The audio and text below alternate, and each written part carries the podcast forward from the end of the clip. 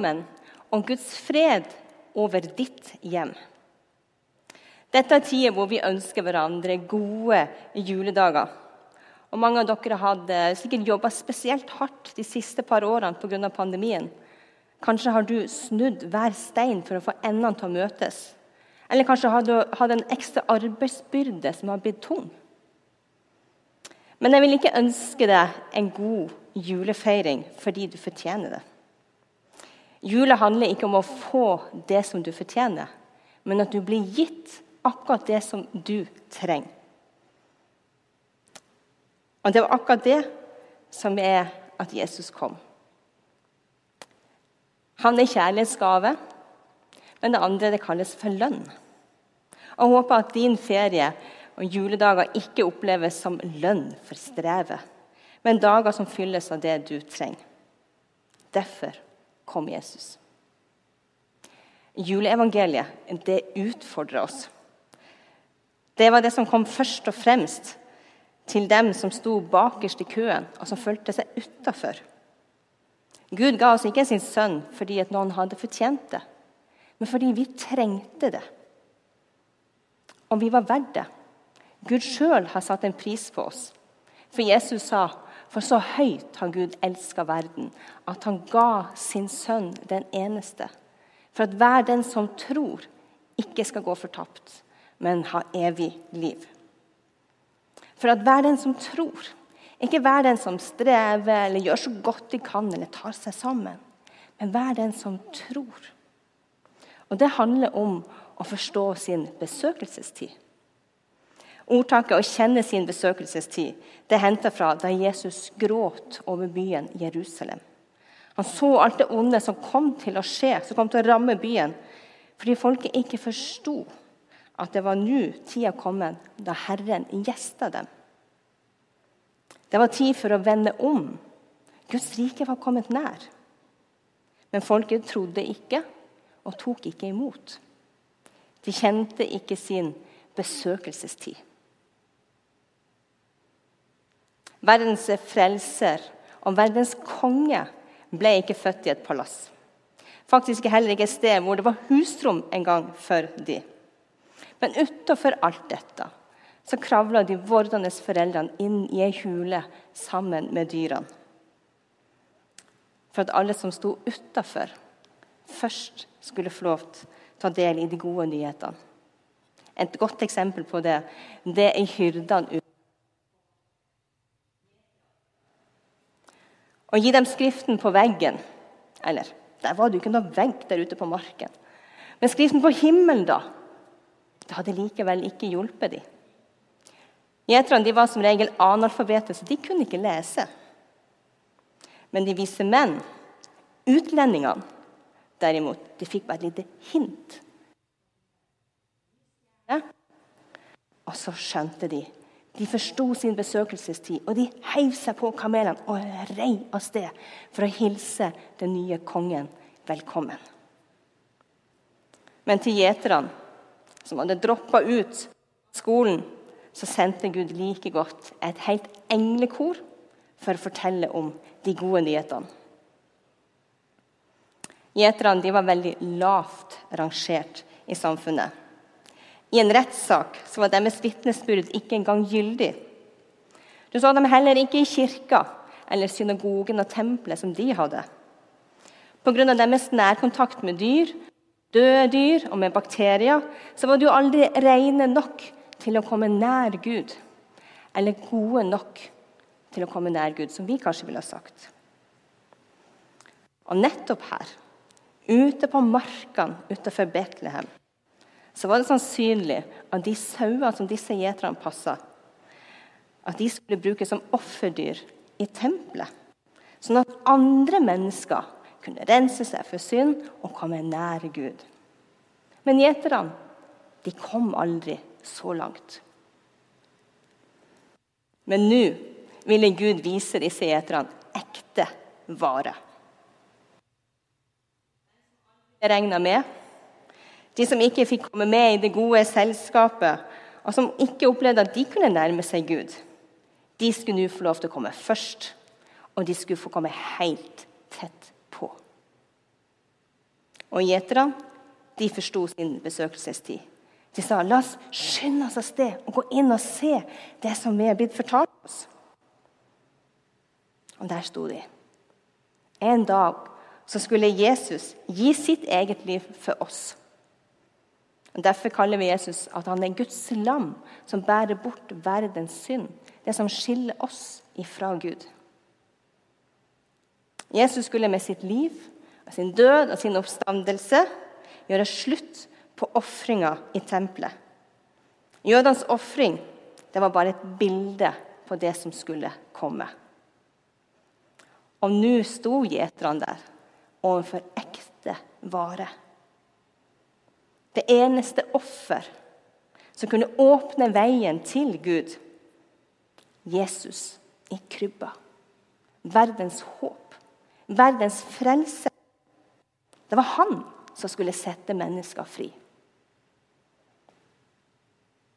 Forstår du din besøkelsestid?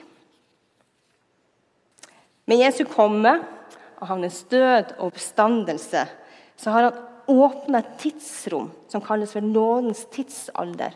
Og her har vi fått lov til å leve. Men det rommet det varer ikke evig. For en dag så skal Jesus komme hjem. Og så skal han hente alle, hver den som tror, hjem til sin fest. Og der er det ikke noen tårer, for den er tørka bort. Sorg og sykdom og savn, det er ikke mer. Der er bare fest og glede. Men Gud han drøyer så lenge som mulig, for han vil at alle skal komme til tro, og alle skal bli frelst. Jeg har lyst til å fortelle en historie om en gutt som intuitivt skjønte dette med besøkelsestid. Willy heter han.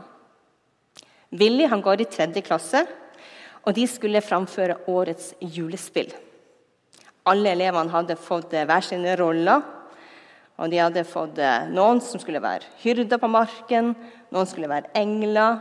Og det var tre som skulle være vise menn fra øst, og to som skulle være Josef og Maria. Og så var det én rolle til. Og Det var å være vert i herberget i Betlehem. Willy fikk den rollen. Willy han var stor. Han var ti år, faktisk. Han skulle egentlig gått i femte klasse. Men Willy var ikke som alle de andre barna. Han klarte ikke å følge med i undervisninga, og heller ikke så godt i det med sosiale med de andre barna. Så Derfor gikk han fremdeles i tredje klasse. De fleste andre elevene de mente nok at Willy han kunne bare ha en rolle som en gjeter rundt på marka uten å få noen replikker. Han skulle ikke si noe. Men læreren han mente at han passa perfekt til å være vertshuseier. Så etter mye øving så satt replikkene. Han skulle si Nei, her er det fullt. Her er ingen ledige rom. Finn en annen plass. Gå deres vei. Og så kom dagen for den sko store skoleavslutninga. Og aulaene var stappfulle. Det var ikke noen pandemi. Så foreldrene satt jo nærmest oppå hverandre og var spente og forventningsfulle. Læreren han sjekka at alle elevene var på plass og hadde kostymene på seg. Og det var kanskje en engel som retta litt nervøst på en, på en vinge. Og kanskje en hyrde som satt og stampa litt nervøst med hyrdestaven sin. Men så gikk teppet opp, og de var i gang. Maria og Josef de kommer inn på scenen. De ser trøtte og slitne ut. Og Maria støtter seg til Josef mens hun har den e handa over den store putemagen sin. Josef han banka på døra på vertshuset og villig åpne opp. Han er stor og morsk. Han har jo levd seg helt inn i rollen sin. Kan vi bo her i natt? spør Josef. Nei, her er fullt, svarer Willy. Men kjære huseier, kona mi skal snart føde. Om vi er så slitne, har du ikke bare et lite hjørne hvor vi kan legge oss ned og hvile oss litt?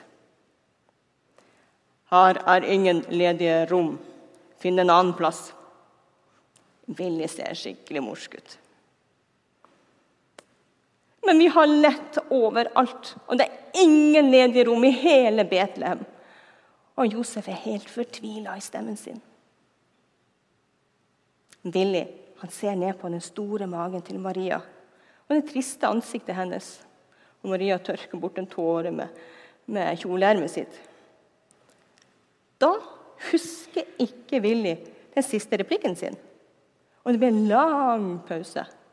Og Foreldrene blir litt urolige. Hva skjer nå? Og læreren hvisker fra bak forhenget. Gå deres vei! For å hjelpe Willy i gang igjen. Og Willy han gjentar gå deres vei. Nå er han helt fjern og spak i stemmen. Men Josef han legger armen rundt Maria, og så går de hen mot stallen, som er i den andre enden av scenen. Men da glemmer Willy at dette er et skuespill. Han går ikke inn i herberget sitt igjen, som han skulle. Han står der bare med åpen munn og tårer i øynene. Og så løper han etter det paret så fort han kan, og så yes, roper han på Josef. 'Josef! Josef, ikke gå din vei! Josef, kom tilbake! Kom med Maria!' Og Josef og Maria de snur seg litt sånn forundra, for det her var jo ikke det de hadde øvd på. Men Willy han står der med et stort og lykkelig smil. Og så sier han, 'Dere kan få bo på rommet mitt.' Og hvordan det julespillet endte, det vet jeg faktisk ikke. Men jeg vet at Willy han ha kjent med hele seg at det var noe som var riktig å gjøre. Og så handla han bare etter det. Det var ikke så viktig med hva som var forventa av han, eller hva de hadde øvd på. Willy ville så veldig gjerne ta imot disse gjestene. På tross av sine begrensninger og utenforskap så hadde han på en intuitiv måte skjønt dette med en besøkelsestid som han ville gripe. Jesus han spør om det er plass i livene våre også. Altså Altfor ofte så er vi enten ikke hjemme, for vi er opptatt med alle andre ting, og til stede i alle andre deler av verden enn akkurat her. Ellers er det kanskje stappfullt. Det er ikke plass. Du må gå et annet sted. Vi har ikke tid til deg. Men til hver den som vil følge Jesus, så sier han at den som tar imot disse minste, tar imot meg. Og Gud sjøl som har erfart, også utafor, og ikke blitt tatt imot, han roper ut til alle, og spesielt den som har et knust hjerte. Kom, for du er elska. Se, her er din frelse. Her er din redningsmann. Han som har seira over mørket og død. Slutten av kapittel 1 i Lukasevangeliet så står det For vår Gud er rik på miskunn. Slik skal lyset fra det høye gjeste oss som en soloppgang og skinne for dem som bor i mørket og dødens skygge, og lede våre føtter inn på fredens vei. Jesus han er lyset som kom til oss, og som er her nå. Den som tror og tar imot. Han går fra mørke til lys, fra død til liv. Fra å være utafor til å være innafor i Guds store familie. Han gir deg alt det du trenger, og et sted å høre til.